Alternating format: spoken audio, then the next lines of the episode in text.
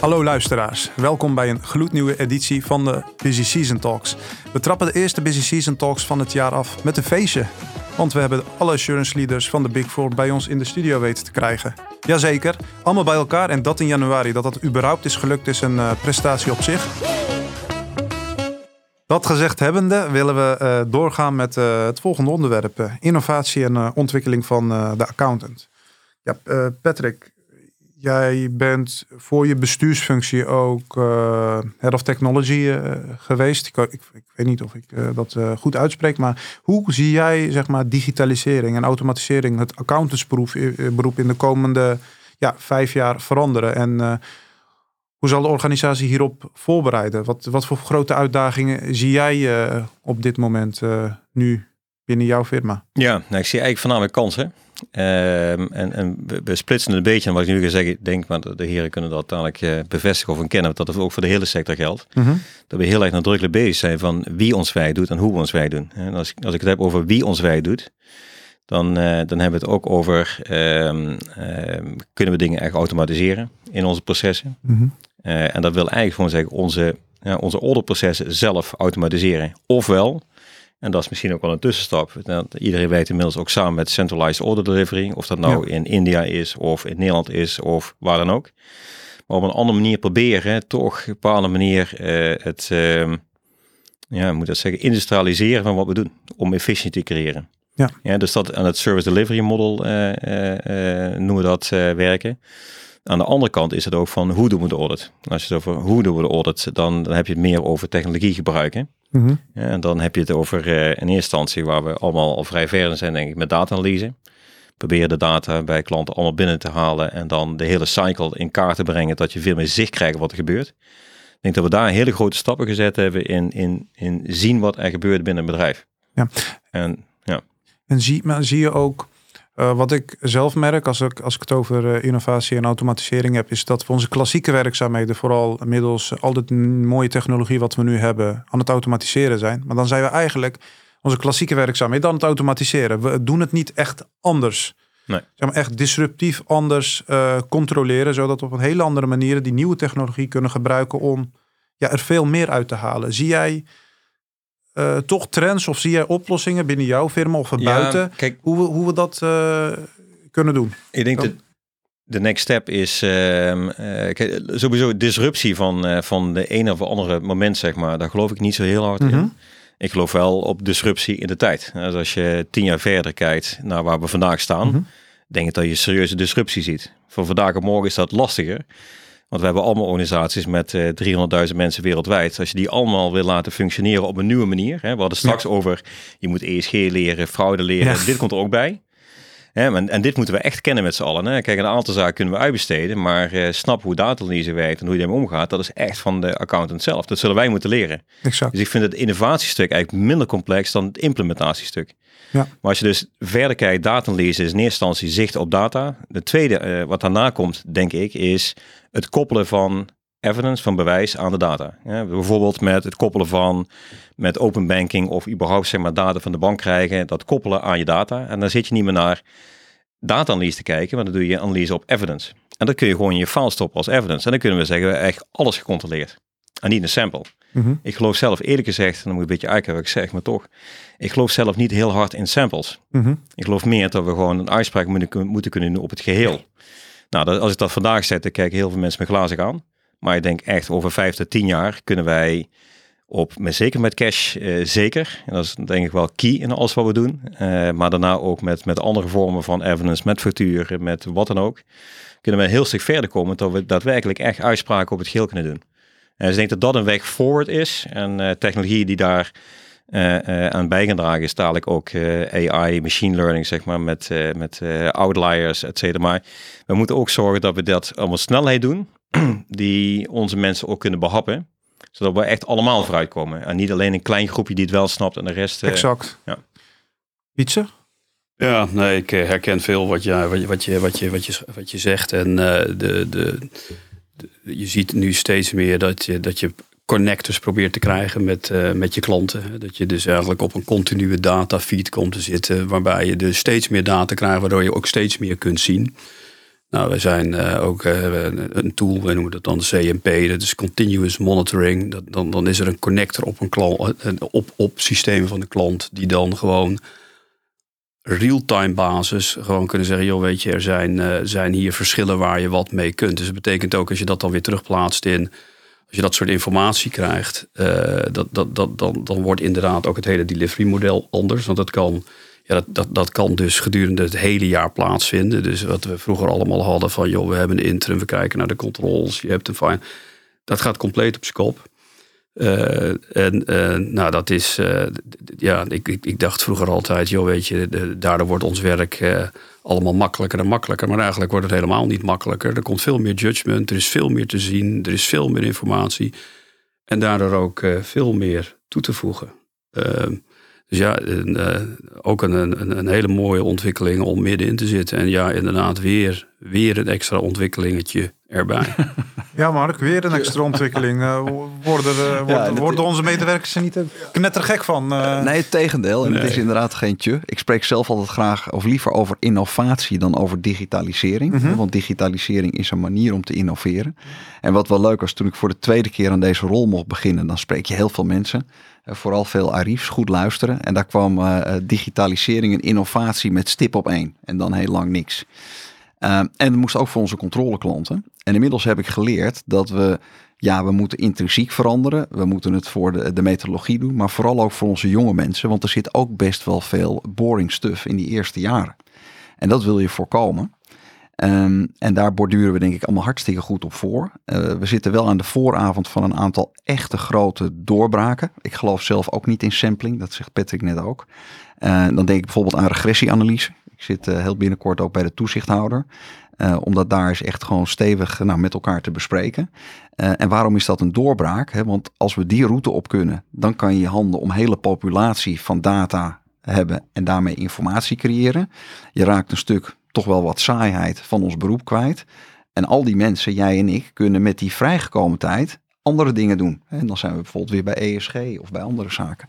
Dus ik, ik vind het een heel gaaf onderwerp. En ik denk in de komende jaren dat we er veel van gaan zien. Ja, ik, ik kreeg wel even rilling toen je regressieanalyse zei. Want tijdens het schrijven van mijn scriptie had je daar allemaal mee te maken. Maar dan, dat was eenmalig en daarna doe je er nooit meer iets mee. Want nee, nee dat ook, zeg maar. en, gelukkig hebben we dan weer mensen die daar echt uh, helemaal op losgaan ja. en heel erg veel van weten. En daar ook op promoveren. Uh, en die hebben we bij elkaar gezet. Uh, ja, daar word ik dan altijd helemaal warm van als ik zie wat die dan produceren. Dat is echt gewoon heel gaaf en echt de next level. Rob? Ja, nou ja, ik, ik, ik denk, hè, er is veel gezegd. Hè.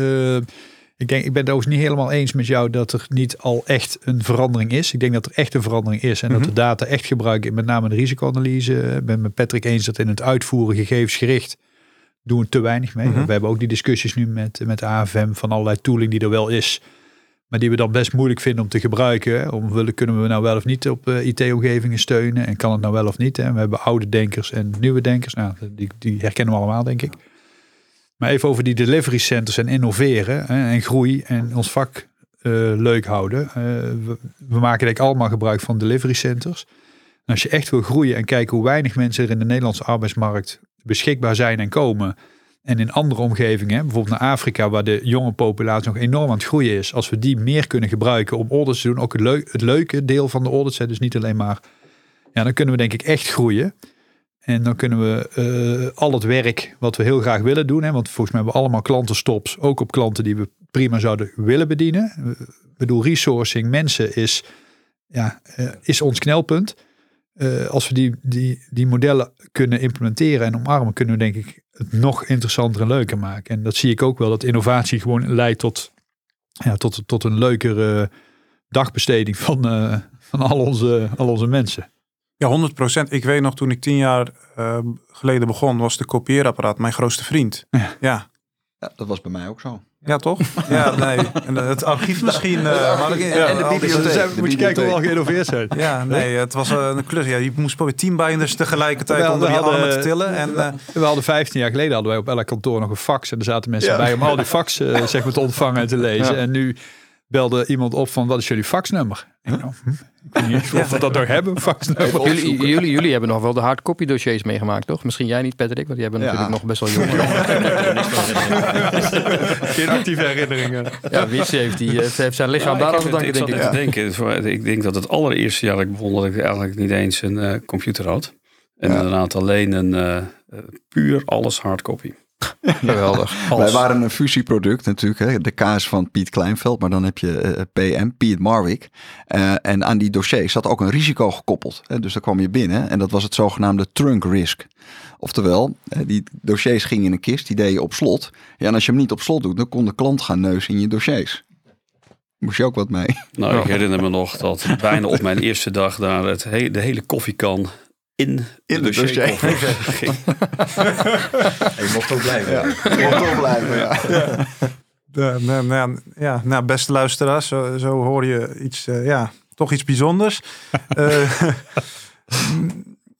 ja, wat wel mooi is tegelijkertijd, is toen je vroeger als begon als een stagiair of een ja, assistent, kopieerapparaat je beste vriend, uh, kopiëren, plakken, allerlei vrij niet complexe werkzaamheden. Maar nu word je als starter vrij snel in het diepe gegooid. Er wordt verwacht dat je mensen in misschien Afrika, in Azië gaat aansturen. Dat, ja, dat is toch. Tegelijkertijd is dat misschien spannend, maar dat is toch geweldig dat je als relatief jonge accountant al vrij veel mm, uh, ja, mogelijkheden krijgt om jezelf echt te ontwikkelen. Zeker. Ik denk ook dat als je van buiten naar ons vak kijkt, dat het saaier lijkt als dat het daadwerkelijk is als je het uitvoert. Hè? Want uh, toen ik begon uh, waren we gewoon kolommenbalans aan het overtypen. En dan hoopten ja. we na drie dagen dat het een evenwicht was. en alles wat deelbaar door negen was, was ergens een invoerfout. Ja, dat is nu, als je ziet hoe we geautomatiseerd zijn, dat is natuurlijk super gaaf. En uh, ja, nu klagen mensen natuurlijk nog wel eens hè, van moet ik nou zoveel facturen checken? Nou, als we inderdaad naar die, naar die totaalcontroles kunnen, dan wordt het ook interessanter. Je leert heel veel. Het nadeel is wel dat, je, dat we moeten wel kijken dat onze mensen ook voldoende ervaring opbouwen om te doen wat ze natuurlijk moeten doen. Hè? Want je, ervaring bepaalt ook wel een stuk van uh, de kwaliteit. Uh, maar ik, ik denk dat het een hele mooie ontwikkeling is. Ja. ja. Nou, dan gaan ja, we... ik herken dat. Ik mocht nog uh, 16 weken bij Bank Mees Hopen zitten. Jullie kennen heel Bank Mees Hopen niet. maar ik ken alle journaalposten, ook vandaag de dag nog, van de handels- en de beleggingsportefeuille. Als, als je die nu controleert, moet je dat ook allemaal weten. Alleen ik had er 16 weken de tijd voor. Uh, tegenwoordig is dat dan vier dagen. Ja, is dat gaaf. Tegelijkertijd is het ook wel een risico. En dat stip jij aan. Je moet wel de ervaring hebben om dat allemaal even toch te kunnen, te doen en te overzien. Ja, want dat maakt het best wel spannend. Want... Uh de accountant die al, die al 20 jaar werkt, kende de nullen en de ene van de jaarrekeningcontrole. Nu is dat gewoon veel minder het geval. Dus we moeten andere manieren zin, zien te vinden om onze jonge collega's snel on te borden, die kennis machtig laten maken. Dat is een, denk ik, vrij grote uitdaging. Nou, maar ik denk dat die makkelijker die links ook hebben naar digitaal. Dat je, dit, je wordt veel eerder gewoon, kom je op de judgments. En op de analyse. Uh, ik, ik denk dat dat veel, ja, als ik daarop terugkijk, waar, hè, als ik al zo kijk wat jullie allemaal doorheen zijn gegaan. Ben jij veel jonger? Ja, precies. dan denk ik van, uh, dan, dan, dan, dan is het nu dat je, dat, je, dat je gelijk moet interpreteren. Wat zie ik? Waar moet ik naar kijken? Uh, wat moet ik concluderen? Dat dat, dat, dat juist ja, heel leuk is dat we die kant uitgaan. Ja, maar het is wel terecht wat hier gezegd wordt. Hè. Kijk, zeg maar, de basis, hè, dat, dat klinkt heel saai, maar dat, dat uh, besef ik me nu dat zeg, maar ik ga het toch zeggen.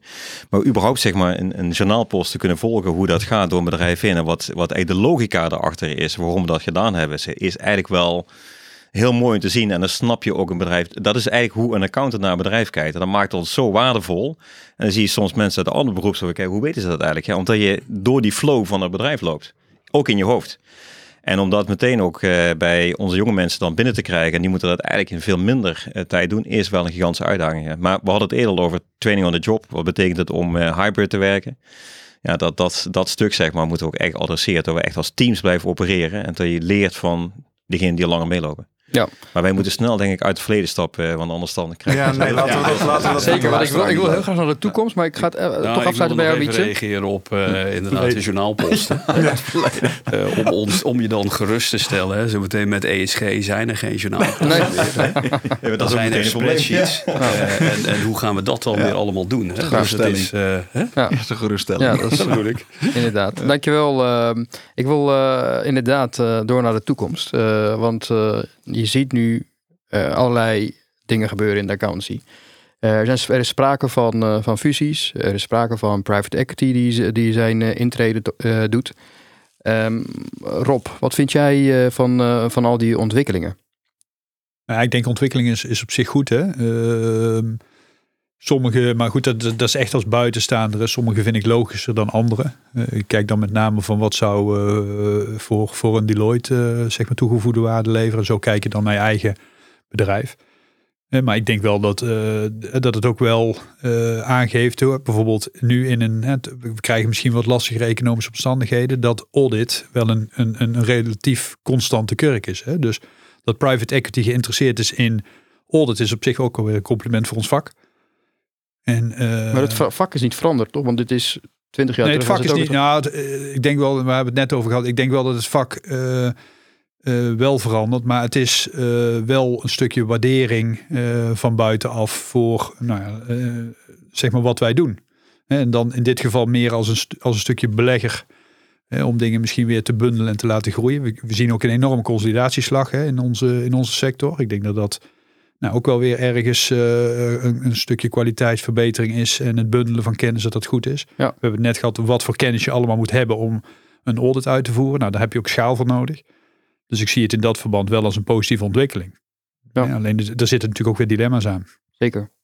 Uh, Mark, ja, je schetst een hele mooie trend. Uh, en als bestuurder had ik ook het idee van, goh, toch interessant. Hè? Laat ze maar eens uh, langskomen. Dus we hebben koffie gedronken. Ik ook met een aantal private equity huizen.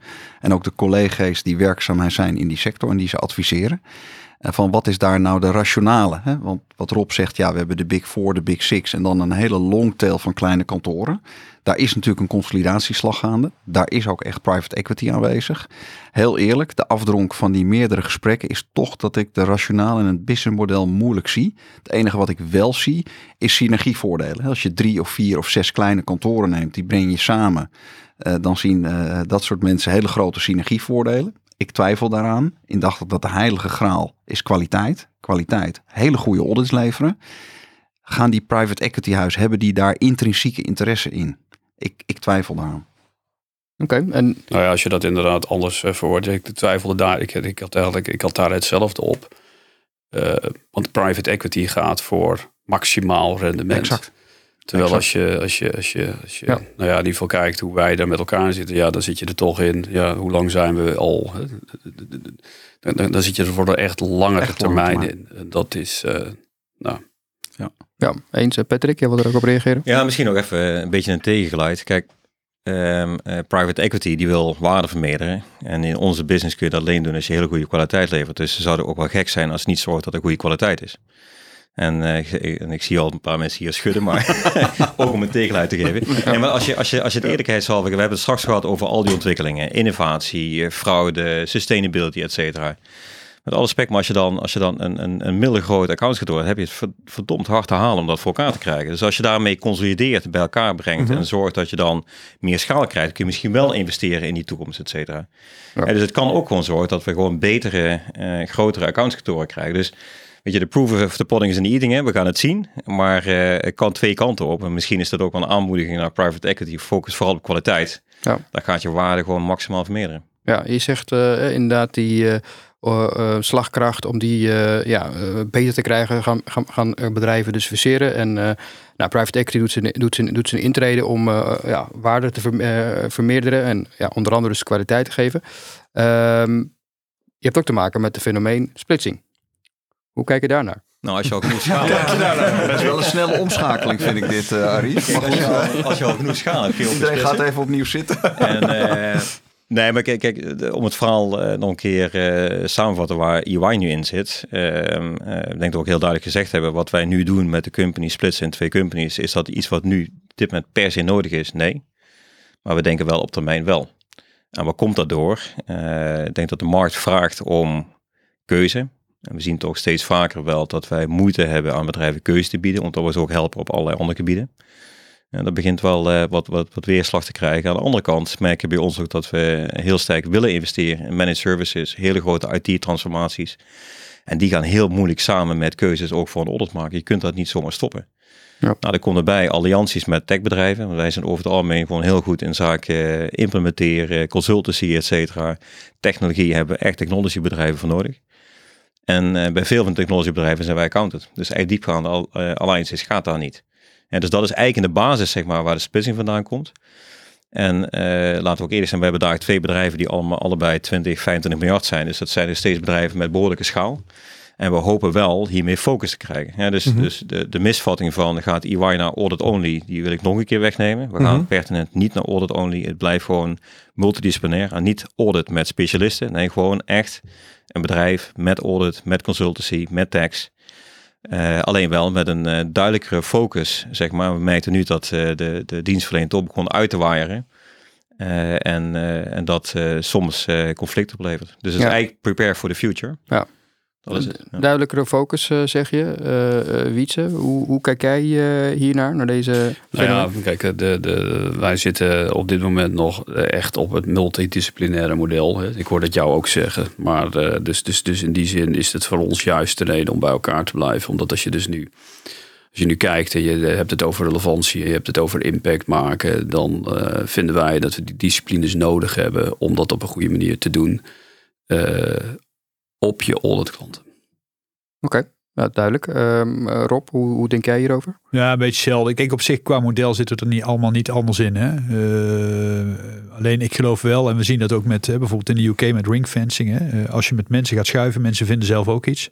We moeten zorgen dat, denk ik, de, vanuit onze agenda dat de audits en de audit teams, dat het aantrekkelijk genoeg blijft om daarin te participeren. Dus, en we zien heel veel mensen die juist de mix audit en advies willen.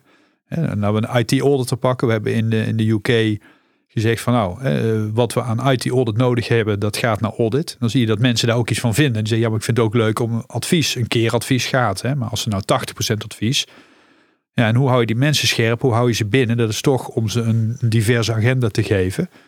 Uh, dus uh, ja, ik denk dat het super belangrijk is. Dus uh, wij geloven ook echt in die MDM en die kracht om die kennis van die industrieën en de verschillende eh, eh, ja, disciplines eh, ja. te behouden. Oké, duidelijk. Um, Mark? Ja, ook voor mij krijg je, om jouw woorden te gebruiken, een tegengeluid. Ik geloof ook echt in het multidisciplinaire model. Um, ook wat Wietse zegt, zeg maar de depth en de breadth die je nodig hebt om echt de top controleklant te kunnen bedienen. Uh, ik geloof er persoonlijk niet in dat dat in jullie model kan. Ik snap dat het twee multidisciplinaire firma's zijn, maar dan denk ik van goh, waarom moet je dan überhaupt splitsen? En om een voorbeeld te geven, concreet te maken bij de grote klanten, uh, is een derde van, uh, van alle uren, of bijna 40% zijn specialisten. Uh, en ik denk gewoon in ons MDN-model, zoals wij het noemen, dat dat het beste kan. En zeg maar, wie de jeugd heeft, heeft de toekomst. Ik denk dat voor een medewerker, als ik jullie leeftijd had, dan is dat model aantrekkelijker. Want het heeft per definitie, althans in mijn beleving, meer te bieden. Want de helft van onze huidige consultants zijn ooit gestart in audit. En ik denk dat je daaraan moet denken, in combinatie ook met de slagkracht en investeringskrachten die nodig is met alle thema's die we zojuist bespraken. Ik denk dat dat beter kan onder één huis dan, uh, dan het in tweeën knippen. Oké. Ehm, ja, ik wil even kijken of er nog een rondje... Ja, nou Patrick, wil je daar nog op reageren voordat we verder gaan? Ja, ja, ik krijg het slotwoord. Ik, denk dus. dat als ik, als ik, uh, als ik een beetje heen... We zeggen eigenlijk allemaal hetzelfde, maar toch wat anders. En mm -hmm. uh, wat we allemaal hetzelfde zeggen is uh, multidisciplinair model. Dat we niet geloven in audit only en ook niet in audit met een paar specialisten. We geloven in, in, in audit met specialisten die ook de ruimte krijgen op de markt te acteren. Want daar word je sterker in concurrentie met anderen. En wij denken daar de schaal echt voor te hebben staan. Uh, en, bijvoorbeeld de IT-auditors was een goed voorbeeld. Die hebben wij de afgelopen jaren uh, toch wel gevraagd om voornamelijk te focussen op audit. En that's it. Dus we zijn steeds meer in silos gaan opereren, in ieder geval uh, bij ons. En nu we daar een split hebben, krijgen die, krijgen die groep ook weer de kans om meer naar buiten te gaan. Eh, omdat dat nu bij consulting zit. En nu krijgen ze de kans om dat wel te gaan doen. Dus het, het geeft ook weer nieuwe mogelijkheden. Dus maar ik denk, multidisciplinair model, dat staat uh, boven, boven alles. En hoe je dat invult, ja, dat is, dat is verschillend. Exact. Ja, nou, dat vind ik heel mooi. En uh, ik hoor beide partijen tegelijkertijd, denk ik ook na de splitsing, heeft, hebben de medewerkers van EY kunnen ze lekker de markt op en lekker alles weer gaan uh, bijvoorbeeld uitbouwen. Dat uh, levert misschien ook uh, hele mooie mogelijkheden misschien, op. Misschien een voorbeeld, want ja? ik, ik weet niet of, of de gemiddelde luisteraar denkt... En van we hebben het over MDM, hè, maar ik heb zelf ervaren. Mm -hmm. Stel dat je zou zeggen, want er zijn ook mensen die zeggen, oh, het olie gaat prima, hè, want je kunt iedereen gewoon inhuren. En ja. stel dat dat een model is, hè, waar, waarom ik denk dat het echt niet werkt is. Stel, je hebt echt een fraude. En je moet de markt op op dat moment om de beste mensen van de markt te halen die vanaf vanavond tijd hebben om met jou uh, in een crisissituatie uh, te gaan opereren. Ten opzichte van het model waarin wij zeggen wij hebben één imago. Hè, dat is ons imago. En dat verdedigen we met z'n allen. Als dat tweede gebeurt, dan gaat elke adviseur, iedereen die iets toevoegt, uh, meelopen in een audit om dingen op te lossen. En, en voor mij was dat het meest duidelijke voorbeeld. denk je, als ik nu nog uh, allerlei tenders moet gaan uitschrijven om mensen uit de markt te halen die op dat moment er wel of geen tijd voor hebben. Naar mijn idee werkt het echt niet. Hè? Dus misschien even als voorbeeld voor de luisteraars. Als ik dat mag, mag, aanvullen om het heel praktisch te maken met een aantal uh, stakeholders of belangengroeperingen heb ik dit debat dan ook. Die zeggen dan van ja Mark, het kan toch prima precies wat jij zegt, technisch kan het. Hè, maar om het even heel concreet te maken, dan moet ik dus voor 2500 klanten gemiddeld 2,5 tot 3 specialisten hebben met de juiste accreditaties, volledig independent, in de week, in het jaar dat ik hem of haar wil hebben. Nou, technisch kan dat, maar projectmatig is dat gewoon, dat is niet te doen, dat is niet realistisch. Oké. Dan gaan we gewoon eh, naar het volgende ding. Nou, leuk eh, onderwerp. Uh, nou, laten we snel doorgaan. Ja, opleidingen. Dat is, dat is ook een onderwerp wat vaak aan bod komt. En die konden we natuurlijk niet missen. Ja, Rob, die ga ik eerst aan jou stellen. aangezien je liefde ook voor de opleiding. weet, je zit ook bij, het, bij de curatorium van, van de VU. Het accountsgroep is uh, aan verandering onderhevig en evolueert snel. Waar vroeger ons dus, we hebben het net ook over eh, gehad, voornamelijk richten op het nakijken van de juistheid, van de jaarrekening. En zien we nu ook een groei naar een model waarin ook niet-financiële informatie, digitalisering, meer interne controle een veel belangrijke rol is gaan spelen. We benaderen onze klanten steeds veel dimensionaler, wat natuurlijk uh, geweldig interessant is. Maar tegelijkertijd, ja, die rol van die accountant is breder geworden. De vereisten veranderen snel. En ja, vanuit een opleidingsperspectief is het belangrijk om rekening te houden met deze evolutie, evolutie en aan te sluiten bij de huidige eisen van het beroep. Ja, ja, de opleiding, die doet, maar die duurt al zeven jaar. Ja, ja die doet al vrij. Vertel eens. Die doet vrij. al vrij. Ook even zeven jaar natuurlijk. ja, nou, hoe gaan we, hoe, hoe gaan we dit aanvliegen? wat, wat vind jij? Ik denk zelf een aantal dingen. We hebben, uh, ik denk dat we echt naar de opleiding moeten kijken en de interessantheid van de opleiding. Dus naar mijn idee moeten we de opleiding korter maken en algemener. En vervolgens een deep dive doen mhm. over wat jij interessant vindt. Hè? Net zoals we bijvoorbeeld ook weer in de medische industrie doen. Ja. En hoe het dan precies moet gebeuren, dat weet ik ook niet. Maar wij hebben hem zo lang, zo complex gemaakt. En als je zeg maar op dag één begint, dan weet je zeker dat je zo ongeveer acht jaar mhm. eh, door moet. Hè? Misschien moeten we wel naar een, een algemene opleiding die, die ook stopt na twee jaar. En uh, als je dan niet meer wil verdiepen, is prima. Als je ESG wil gaan doen, als je fraude wil gaan doen, als je IT wil gaan doen, dat je daar dan echt de diepte in gaat. Ik denk dat dat zou helpen. Ik denk wat zou helpen is als we onze opleiding of onze titel meer open zouden stellen voor mensen van het buitenland wij zien dat we steeds meer talent uh, buiten Nederland krijgen. Het is verschrikkelijk ingewikkeld om je titel hier te halen, ondanks dat je soms al tientallen jaren auditor bent. Hè? Ja. Dus uh, we, hebben, we hebben het best wel, nou denk ik, klein en zeer complex gemaakt. Uh, en ik hoop dat de ontwikkelingen ertoe gaan leiden dat er meer mensen gaan beginnen aan de opleiding. Ja. En want ik denk dat de, de instroom is te beperkt. -huh. We vissen allemaal een hele kleine vijver. Uh ja, en dat is best wel verontrustend. Hè? Dus ik denk dat we alles eraan moeten doen om het interessant te maken, om de instroom uh, te vergroten. Uh, en ja, dat we daar echt maximaal flexibel moeten denken. Ja, want uh, instroom, daar speelt demografie ook een rol. We hebben steeds minder jonge mensen, dus je hebt het ook mensen uit het buitenland. Maar als we het ook hebben over zijinstromers, moeten we daar niet ook veel mogelijkheden voor aanbieden? Ja. Bijvoorbeeld een bioloog die een master heeft, die moeten we soort van versneld wat uh, accountantsvaardigheden aanleren, zodat ze de controlerende werkzaamheden kunnen uitvoeren. Doe, Nee, eens. En ik denk ook een heel groot deel van de opleiding, dat vergeten we wel eens, maar dat is natuurlijk bij de kantoren zelf.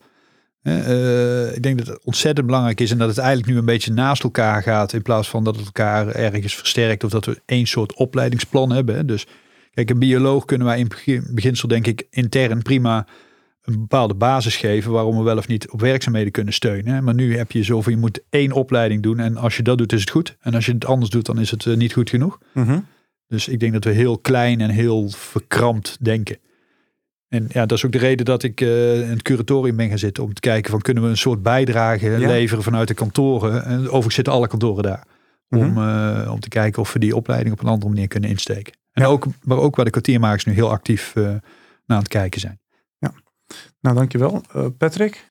Ja, maar nog, nog een ander argument te noemen. Hè. Kijk, als, we, als we zouden willen dat die accountants alles kunnen, dan is het zeven jaar opleiding, maar dat ben je dan niet. Hè. Dat, dat is de theoretische opleiding. Dan zou je vervolgens zeg maar ook nog eens een keer praktijkuren moeten maken om dat ook te kunnen. Dan zit je op 20 jaar, dan ga je dadelijk onderhand met pensioen. Hè? Dus, dus het is, je moet op een gegeven moment concluderen denk ik, dat het niet meer kan om een accountant alles goed op te leiden. En dan teruggaan naar waar moet die accountant per definitie echt heel goed in zijn. Ja. Nou, weet je, externe verslaggeving, daar moeten we echt wel goed in zijn.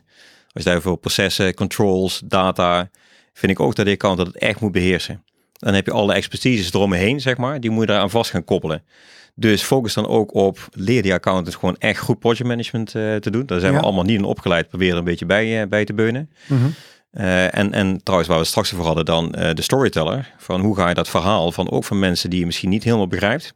Hoe ga je dat verhaal naar die klant overbrengen? Dus denk even na, wat moet er echt in die opleiding zitten wat belangrijk is? En daarna dan kun je allerlei specialisaties krijgen. En dat kunnen misschien ook anderen. Ja, nou dankjewel Patrick. Wietse? Ja, ik zou er nog aan toevoegen. Je noemt het eigenlijk ook wel wat in, de woorden. Maar de, accountant moet divers zijn. Dus die moet eigenlijk, je, je, moet eigenlijk promoten dat je met verschillende studies aan je accountancy kan beginnen. Want ik denk ook als je gaat kijken naar de kantoren, ja, daar zie je ook dat we veel diverser aannemen. Dus ook in de opleiding moet die diversiteit uh, zitten. En de woorden die bij mij dan nog resoneren is van uh, de huisartsfunctie en de specialist.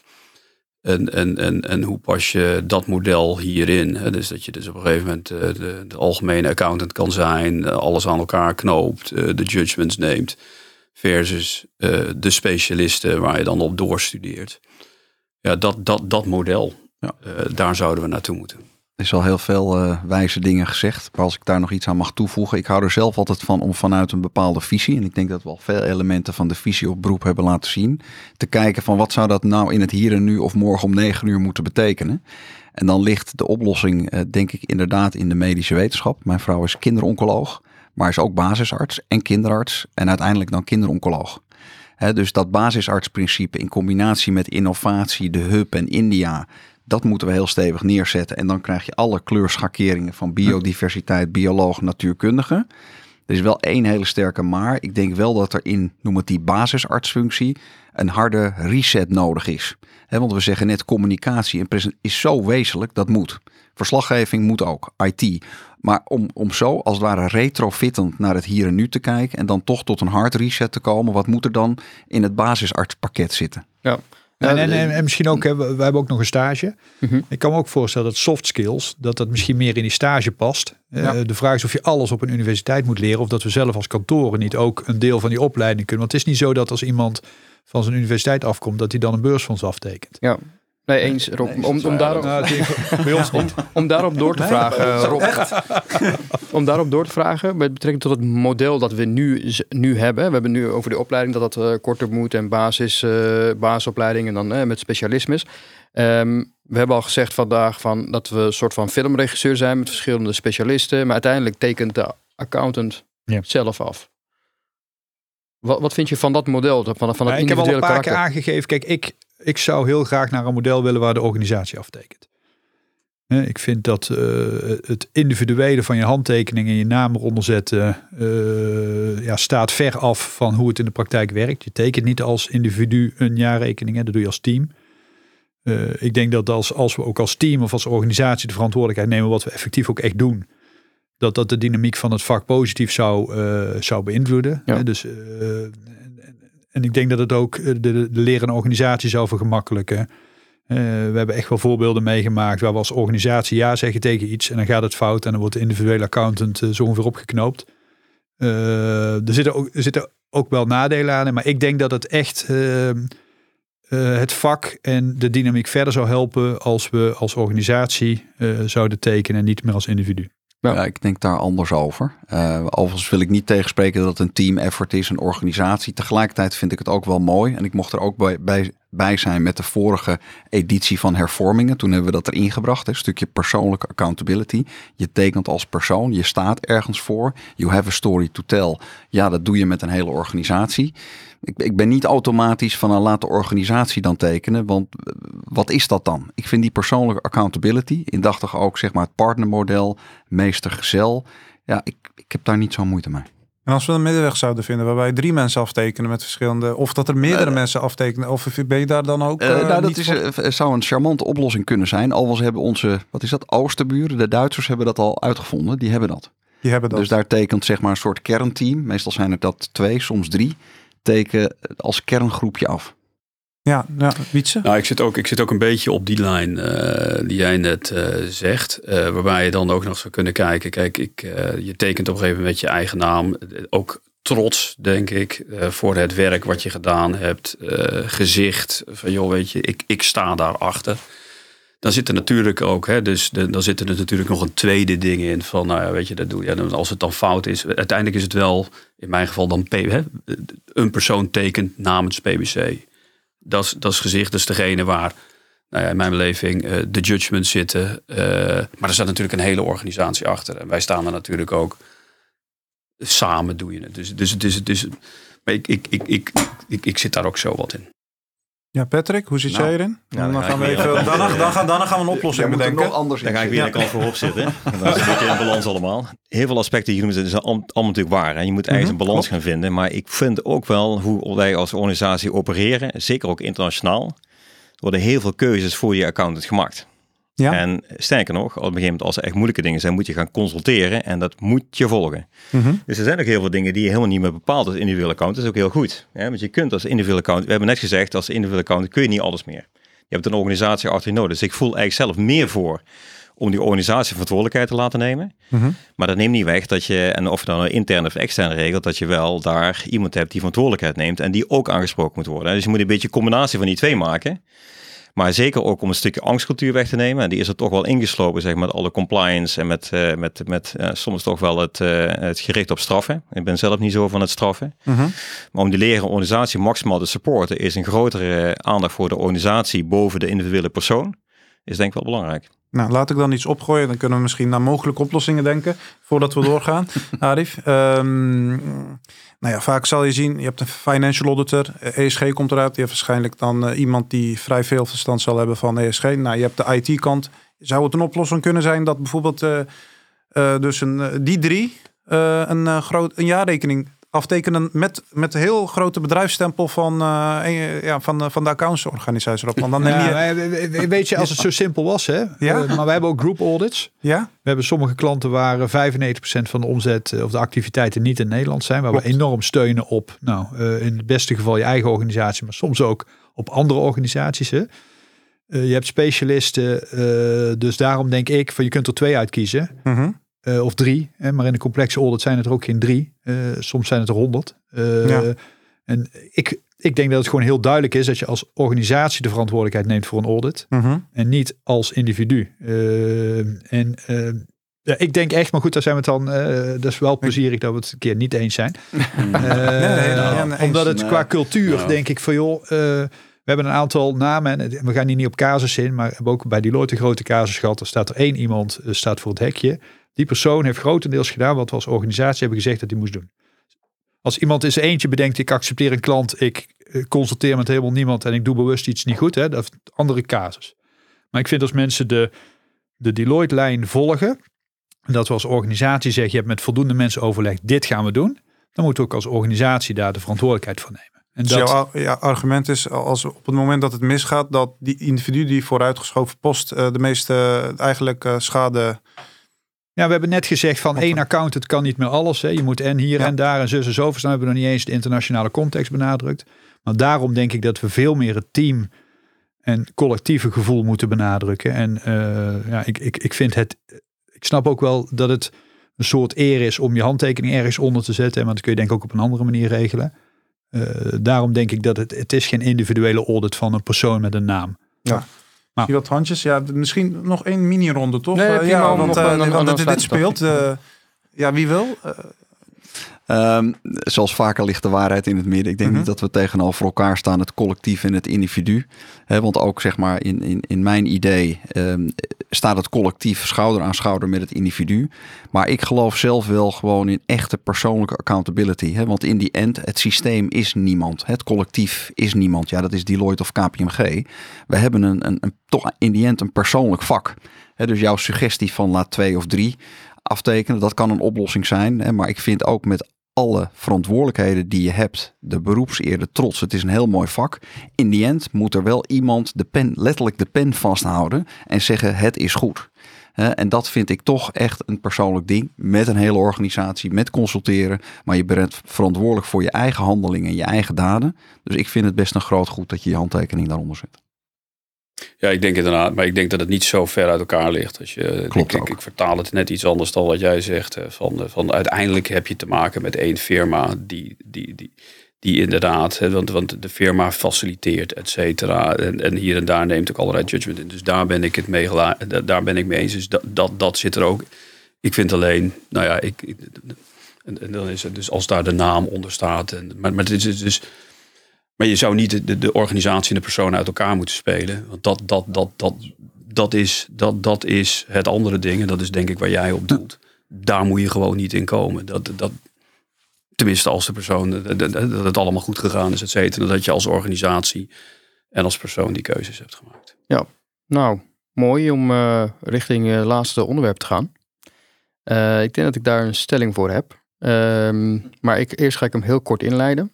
Eh, nou, we zagen allemaal in 2022 eh, in december dat er een artikel was in het FD over, eh, over het partnermodel. Dat steeds minder young professionals ja, daar niet in geloven. En ja, de stelling is eigenlijk, partnermodel is outdated.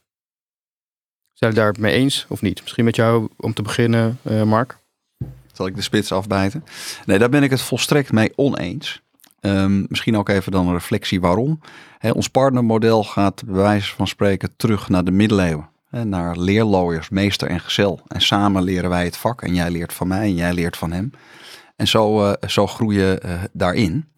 Um, als je dan even naar de tegenwoordige tijd trekt, hè, dan hebben we veel gesproken over auditkwaliteit. Dat is natuurlijk, ik noem het wel eens de heilige graal, hartstikke belangrijk. Um, er zijn ook heel veel studies naar gedaan, allemaal mensen die veel slimmer zijn dan ik. Maar er komt nergens een negatieve correlatie uit tussen auditkwaliteit en het partnermodel. Als er al een correlatie is, dan is het een licht positieve. Een andere insteek is, als je kijkt, we hebben heel veel uitdagingen in de wereld gehad, menig crisis. En dat partnermodel, of het nou hier op links is of rechts of tegenover mij, bij de conculega, dat is wel heel erg sustainable gebleken. Uh, last but not least, ook in de coronacrisis was echt even een stevige crisis. Toen die uitbrak, was voor ons allemaal denk ik best even een spannend model. Uh, en die partnermodellen, ja, die zijn in, uh, in weer en wind behoorlijk uh, bestendig. Ja, maar dat is op, op ordekwaliteit zeg je. En nu, ja, we lezen zeg maar dat, de, de, dat die jongeren daar gewoon geen, geen partner meer willen, willen worden. Dus hoe, hoe kijk je ja, Nee, dat, is, uh, dat is inderdaad mooi en leuk dat je dat aanroert. Uh, ik heb beide. Gelukkig hebben we nog jonge mensen die het helemaal zien zitten en heel graag partner willen worden. Maar er is ook een toenemende mate die dan mij een beetje meewarig aankijken. En die denken van, goh Mark, waarom heb je dat in godsnaam allemaal gedaan? Je bent eigenlijk gek dat je daaraan begint. Hè, met die verantwoordelijkheden en dan ook nog tekenen en alle litigation en alles wat daarbij komt. Waar, waarom is dat leuk? dus, dus ik zie beide. Um, dat was vroeger anders, maar ik zie ook nadrukkelijk echt een groep die zegt van wauw, dit is echt gaaf. Ja, um, Wietse? Nou, ik, ik zal zo al eerst, ik, ik zal daarna antwoord geven op de stelling. Dus, in mijn beleving zit er een andere vraag zit eronder. Hè? Dus de, de, de, de, de, je geeft aan van uh, onze jonge mensen willen geen partner uh, meer worden. Maar in mijn beleving zit daar de vraag onder, en dat gaat allemaal over werkdruk, de effort. En, en is dat eigenlijk de ultieme vraag waar we het met elkaar over gehad hebben? Want in mijn beleving ligt het niet aan het, dus dat ligt niet aan het partnermodel. In mijn beleving ligt dit eronder.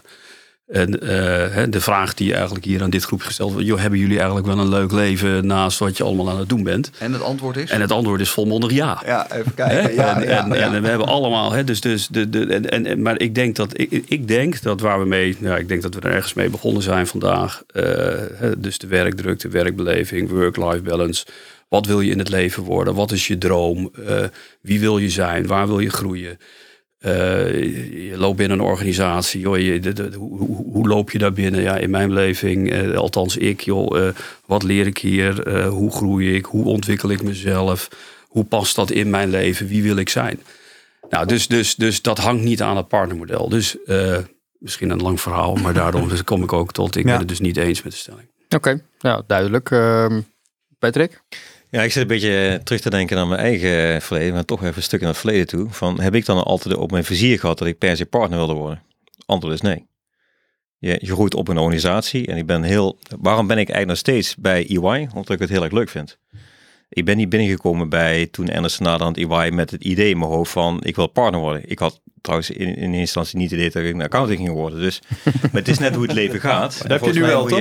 nu wel inmiddels, oh, ja. Nu wel. Dat heeft tijd geduurd. Maar, maar volgens mij is, weet je, dat, en dan sluit ik bij Wiets aan, is er niet zozeer, ja, moet je nou echt gewoon, als je ergens binnenkomt, meteen weten van ik wil partner worden. Ja, ja met alle respect, groei er gewoon eerst in, doe wat je leuk vindt. En opeens uh, ben je partner, omdat je dingen hebt gedaan die je leuk vond. Ja. En had op mijn pad ook iets anders kunnen komen? Ja, makkelijk. Kan dat uh, nog steeds gebeuren? Kan ook. Weet je, ik vind heel veel dingen leuk in het leven. Dus ik denk, we moeten niet zozeer dat als een soort holy grail zien van dat is mhm. het doel van iedereen die begint bij een accountantsfirm. Dat, uh, ik denk dat het kan gebeuren, kan niet gebeuren. Maar zolang je maar doet wat je leuk vindt, dan uh, zie je hoe dat verder gaat. Ja, en uh, ja, afsluitend met jou Rob, hoe kijk jij naar? Nee, ik, ik denk hetzelfde. Hè. Ik denk als je start, mensen vragen wil je partner worden, dat ze ook antwoord geven op een vraag die ze niet kunnen overzien. Hè. Dus misschien is het ook wel aan ons om meer en beter uit te leggen wat het dan uiteindelijk allemaal wel of niet inhoudt. Hè. Ik denk aan de andere kant wel dat we naar meer flexibelere modellen moeten. Uh, dus het is wat mij betreft niet zeg maar de piramide van nu. Hè, dus beginnen en uiteindelijk partner. Maar je hebt veel meer zij-instroom, uitstroom. Mensen die we aan ons moeten verbinden. In, in, in, daar hebben we het over gehad in delivery centers in andere landen. Dus we gaan wel naar andere modellen toe, denk ik. Uh, waarin je ook prima carrière kunt maken. We hebben het net gehad over specialisten. Nou, de vraag is of die uiteindelijk allemaal in die piramide willen of willen blijven. Of dat we niet naar tijdelijk, uh, veel meer tijdelijkheid moeten. Uh, Dus uh, ik denk dat het, dat het ja. flexibeler wordt. Maar dat er uiteindelijk geloof ik nog steeds dat er mensen bij ons ook beginnen die heel ja. graag partner willen worden. Want ja, partnermodel, het zijn uiteindelijk, het is een goed model, zeg je Mark. Maar Mm, tegelijkertijd zijn het. Zijn, vind ik, maar dat vind jij? nog niet echt expliciet over horen zijn. Nou, Oké, okay, ja of nee? Wacht, Patrick, vind je het een goed model? Voor een accountantsfirm zijn we überhaupt in dienstverlening partnermodel sta ik helemaal achter. En voornamelijk het training on the job als team eis bereiken. Ja. Zit veel dichter bij elkaar. Dus dat, dat vind ik heel mooi in dat soort modellen. Ja, Wietse? Ja, Hetzelfde. Uh, maar je moet wel nadenken over het partner, partnermodel in de zin van je moet altijd kijken van hoe moet je het aanpassen aan wat, wat, de, huidige, wat, wat, wat de huidige tijd. Dus het moet ook flexibel zijn, dat weet ik veel. Want ik ga die vraag nog stellen. En Rob, uh, voordat ik hem stel. ja. nee, nee, helemaal, helemaal eens. Nee, helemaal eens. Ja, en mijn vraag is, en uh, dat is een korte, want uiteindelijk is het relatief, dat partnermodel vind ik ook heel erg interessant, omdat ja, je bent inderdaad mede-eigenaar, je doet mee, dan heb je eieren in het mandje en dat dat zorgt voor die belonging ook. Alleen, dat is een vrij kleine groep die er dan vrij lang over doet om het uiteindelijk te worden. En uh, we hebben iedere professional hard nodig. Moeten we niet toe naar een model waarbij we een grotere groep mensen op een of andere manier ook onderdeel moeten maken van dat meester-gezel model. Dus misschien ook een klein stukje mede-eigenaar. Daar wat meer innovatie in uh, moeten krijgen om die voordelen ook te laten uitpakken van een grotere groep mensen. Die mag eraf trappen, haken. Ja, nou ja. Nou, Mark eh, was zo enthousiast, maar die mag eraf trappen. Ja. Um, ik denk een, eh, een mooie vraag. Als je kijkt naar de praktijk, hè, dan um, zitten er ook wel heel veel kleuren grijs tussen. Hè? Want het is mhm. niet zo van, nou nu ben je ineens partner en dan is de wereld anders of je bent het niet. Overigens was dat, als ik terug ga in de tijd, was dat wel zo. Als ik dan even een stapje maak van 25 jaar, hè, dan hebben we uh, qua sense of belonging, qua delen, qua variabel winstaandeel, is er in toenemende mate een, een grote groep uh, die een, uh, een veelvoud is van het aantal aandeelhouders die daar van mee profiteert. Mhm. en ik denk wel dat dat een, een trend is dat je bij alle kantoren ziet. en die trend zie ik ook niet ophouden. dus zeg maar dat meer mensen daarvan profiteren, dat, dat zie ik alleen maar toenemen. Dat is nu ook al aan de hand. Hoe zie je dat toenemen? Uh, door de, um, uh, zeg maar, als je het heel uh, zeg maar, plat slaat op beloning en waardering. Dus daar, daar veel meer mee te delen met juniorlagen of seniorlagen, maar dan echt onder de aandeelhouders. dat is nu heel anders dan dat twee, vier of zes jaar geleden was. En dat zie ik dus toenemen. Ja, ik ook. Hè. En als je een ander voorbeeld, we hebben een zeg maar een soort tevredenheidsanalyse mhm. voor dat mensen heel actief kunnen aangeven wat ze van klanten vinden dus bij ons, waar, op welke klant je wil werken, kunt ik niet 100% keuzevrijheid. Maar mensen hebben heel, we hebben heel veel dingen ingericht dat we denk ik maximaal met elkaar in gesprek zijn. En voor mij is het, het tegenhangen van het partnermodel is meer het corporate model. Hè? Nou, dan uh, zul je zien dat er uiteindelijk uh, minder mensen dan nu meer zeggenschap krijgen. Daar, daar geloof ik mhm. absoluut niet in in onze, in onze sector. Je kunt natuurlijk wel naar andere winstdelingsregelingen en mhm. misschien hè, met weet ik veel maar je kunt ook weer geen organisatie bedenken dat er bij ons dan 8000 mensen in een aanloudersvergadering zitten om te kijken wat we gaan doen. dat maak je ook een beetje stuurloos, denk ik. maar je kunt wel naar, een, naar, naar andere modellen denken. En ik ben het met Mark eens als je kijkt over variabele beloning, als je kijkt over inspraak, als je kijkt over transparantie. Ja, dan zijn we denk ik wel ver opgeschoven naar een soort equal stakeholder veld. Oké. Vind ik. Ja, tenzij nou, voor, voor ons, eh, voor mij, ik, ik, ik zat er ook, voor ons geldt dat ook. Ik, ik, ik, ik zit dan ook te denken aan uh, nou ja, de discussies die we hebben met de Young Board. Hè, dus dat allemaal overleg op met elkaar. Ja, je, je, doet, ja, je, je, je doet het. Ik bedoel, het is natuurlijk ook. Uh, het klopt natuurlijk ook niet dat je als partner dit allemaal doet. Je doet het met, met iedereen en met de organisatie. En, en ja, en, en, en hoe betrek je uh, iedereen bij, de, bij onze organisatie? Nou, daar, daar ben je natuurlijk continu naar aan het kijken van, van hoe werkt dat en wat is effectief daar. Ja. Natuurlijk allerlei incentives die meewerken zeg maar, om mensen uh, te betrekken in je organisatie en gelukkig te maken. En uh, remuneration is er eentje van. En ik denk dat iedereen ook zegt, ja, het variabele deel wat je, wat je hebt, zeg maar, dat wil je ook gewoon afhankelijk laten zijn aan, aan de winstgevendheid van het bedrijf. En ik denk dat we daar, eh, daar ook grote stappen gezet hebben. En tegelijkertijd wil je ook, zeker als je in je vroege fase van je carrière zit, hè, dan, dan heb je daar nog heel weinig invloed op. Wil je ook gewoon een heel groot deel fixed hebben. Maar je wil ook wel een huis kunnen kopen, et cetera. Dus het heeft ook te maken met hoe, meer je groeit in je carrière, hoe meer het variabele deel mag zijn, dat je ook meer invloed op hebt en meer aan bijdraagt. Uh, en, en ook dat het ruimte biedt. Hè? Want ik hoor ook wel een schreeuwen van, van mensen van, joh, weet je, ik vind het variabele deel, deel leuk. Maar eigenlijk een groot deel fix is ook wel fijn, maar dan kan ik minder naar de bank toe. Ja, Toch zit die voor, als ik dat hij zit voor mij meer op uh, de ownership, gemeenschappelijk bij bedrijven en invloeddiscussie. Voor mij zit hij niet zozeer op uh, variabele vaste beloningen. Sterker nog, ik, ik, heb, ik heb eigenlijk de neiging van, ja, moet je zoveel variabele beloning hebben? Wij hebben dat op een gegeven moment ook wat verminderd ten gunste van het vast. Hè? Dus, maar ik, dus ik zie het meer op um, hoe zorg je dat iedereen kan meepraten over de belangrijke keuzes die we met elkaar maken? En, en voelt iedereen zich gehoord, geconnect? Ik, bedoel, want dat is natuurlijk ook wat het, het, het, ja, als organisatie moeten doen. En hoe organiseer je dat? Een hele korte reactie. Ik denk ook dat het brede vraagstuk is uh, sense of belonging, noem ik dat dan maar. Ik vind het ook heel interessant. Ieder jaar vraag ik aan onze allerjongste mensen van welke klanten vind je nou gaaf, leuk, leer je heel veel, maar vooral ook welke vind je dat niet. Hè? Slechte cultuur, uh, uh, nou, slechte toon at de top. Daar komen hele interessante analyses aan uit. En ik acteer daar ook zelf op. Hè. Ik ga dan ook zelf het gesprek aan met die klant, met commissarissen en directie. Dan leg ik ook gewoon op tafel. Mijn mensen vinden jou niet leuk dat zijn hele interessante gesprekken. Uh, maar dan zijn we wel echt in dialoog of communicatie met, uh, met elkaar. Ja. Ik zie hier ook uh, knikkende blik. Ik denk dat jullie dat ook doen. en dat is iets dat ik denk van ja, weet je, waarom heb ik dat niet eerder gezien? Dat gaan we ook vooral blijven doen. Want je moet een accountant ook verdienen. Fijn dat we die dialoog aangaan en fijn dat we hier zijn ook om dit, om onder andere dit soort gesprekken uh, met, elkaar, uh, met elkaar te hebben. Uh, wat mij betreft smaakt het naar meer. we zijn ja, richting, we gaan richting de einde. Dus ik wil jullie nog vragen voor een laatste opmerking. Misschien met jou te beginnen. Wietse, het is jouw debuut vandaag. Um... nou, het is, het is heel leuk om hier zo met elkaar in gesprek te zijn. Dus ik, ik loop hier weg met energie.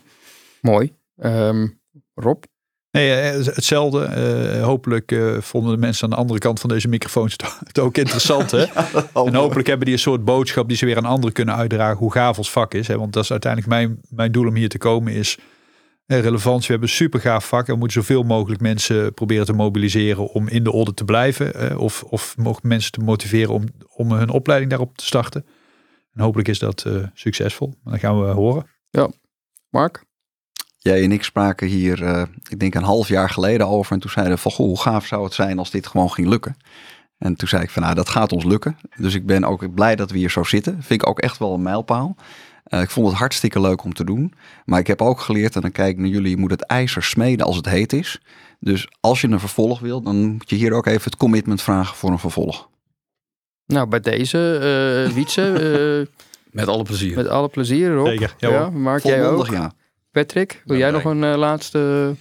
Nou, ik ben er zeker bij. En uh, kijk, ik denk de, de grote uitdaging die we allemaal hebben is het wegnemen van wat, wat gisteren gewoon was. Hè. Wat al over, over dat we best een veranderen zijn, maar mensen, en als ik af en toe de krant lees, denken van ja, hier staan verhalen in de krant. Die klopte vijf jaar geleden, maar nu niet meer. Ja. Maar het duurt heel lang om dat beeld aan te passen. En dan moet je een stem uh, uh, kunnen hebben. het is ook voor ons allemaal zelfs al ontzettend moeilijk om on, onze eigen mensen allemaal te bereiken met de enorme stroom en informatie die van alle kanten op ze afkomt. Dus ik vind dit wel, wel heel mooi om niet alleen als één van de Big Four, maar gewoon met z'n allen hier te zitten. En je ziet toch dat er in de weg naar voren een heel grote mate van gezamenlijkheid in zit. Dat we dezelfde soort visie hebben waar we naartoe gaan wat het vak interessant maakt, et cetera. Dus ik hoop dat het bijdraagt dat we iedereen kunnen bereiken en dat, we, dat mensen ook zien welke kant we op willen en, en daar ja, eigenlijk al heel erg mee bezig zijn. Top. Nou, fijn, uh, fijn om te horen. Ik vond het echt enorm leuk om, uh, om te mogen hosten. Vooral met jou, Hakan. Heb jij nog een laatste woord? Of uh, wat, wat wil jij? Ja, wat wil nog we zijn drie jaar geleden inmiddels denk ik, begonnen met Busy Season Talks in midden van corona. En nu zitten we in een live studio met uh, vier assurance leaders. Ja, voor mij uh, is dit weer een mijlpaal. En uh, inderdaad, om dat weer samen te doen. En de afgelopen drie jaar hebben, heb ik in ieder geval, dat geldt denk ik ook voor jou, meer mensen leren kennen dan de jaren ervoor. Dus door je juist uit te spreken, in dialoog te treden met alles en iedereen, ja heb ik veel vrienden kunnen maken en veel kunnen leren. Dus ik zou ook graag willen oproepen aan alle jonge accounts van doe dat vooral ook. Ja, ja, ga lekker in gesprek. En uh, ik wil jullie bedanken voor jullie aanwezigheid. Ik vond het echt heel leuk om te doen. Top. Heel graag zeer meer. Dank je. Nou, beste luisteraars, hiermee uh, komen we tot een einde. Dus uh, ik hoop dat jullie allemaal met veel plezier hebben geluisterd. En ja, we gaan lekker door met content maken in 2023. Dus ja, tot de volgende keer.